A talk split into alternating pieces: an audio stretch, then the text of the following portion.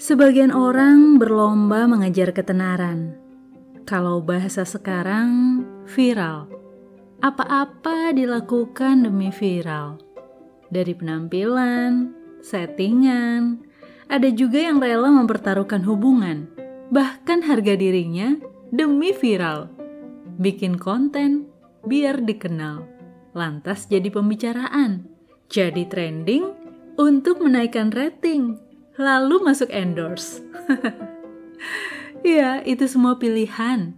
Tapi jangan lupa, ada pepatah, isi come, isi go. Sesuatu hal yang mudah didapatkan akan dengan mudah hilang.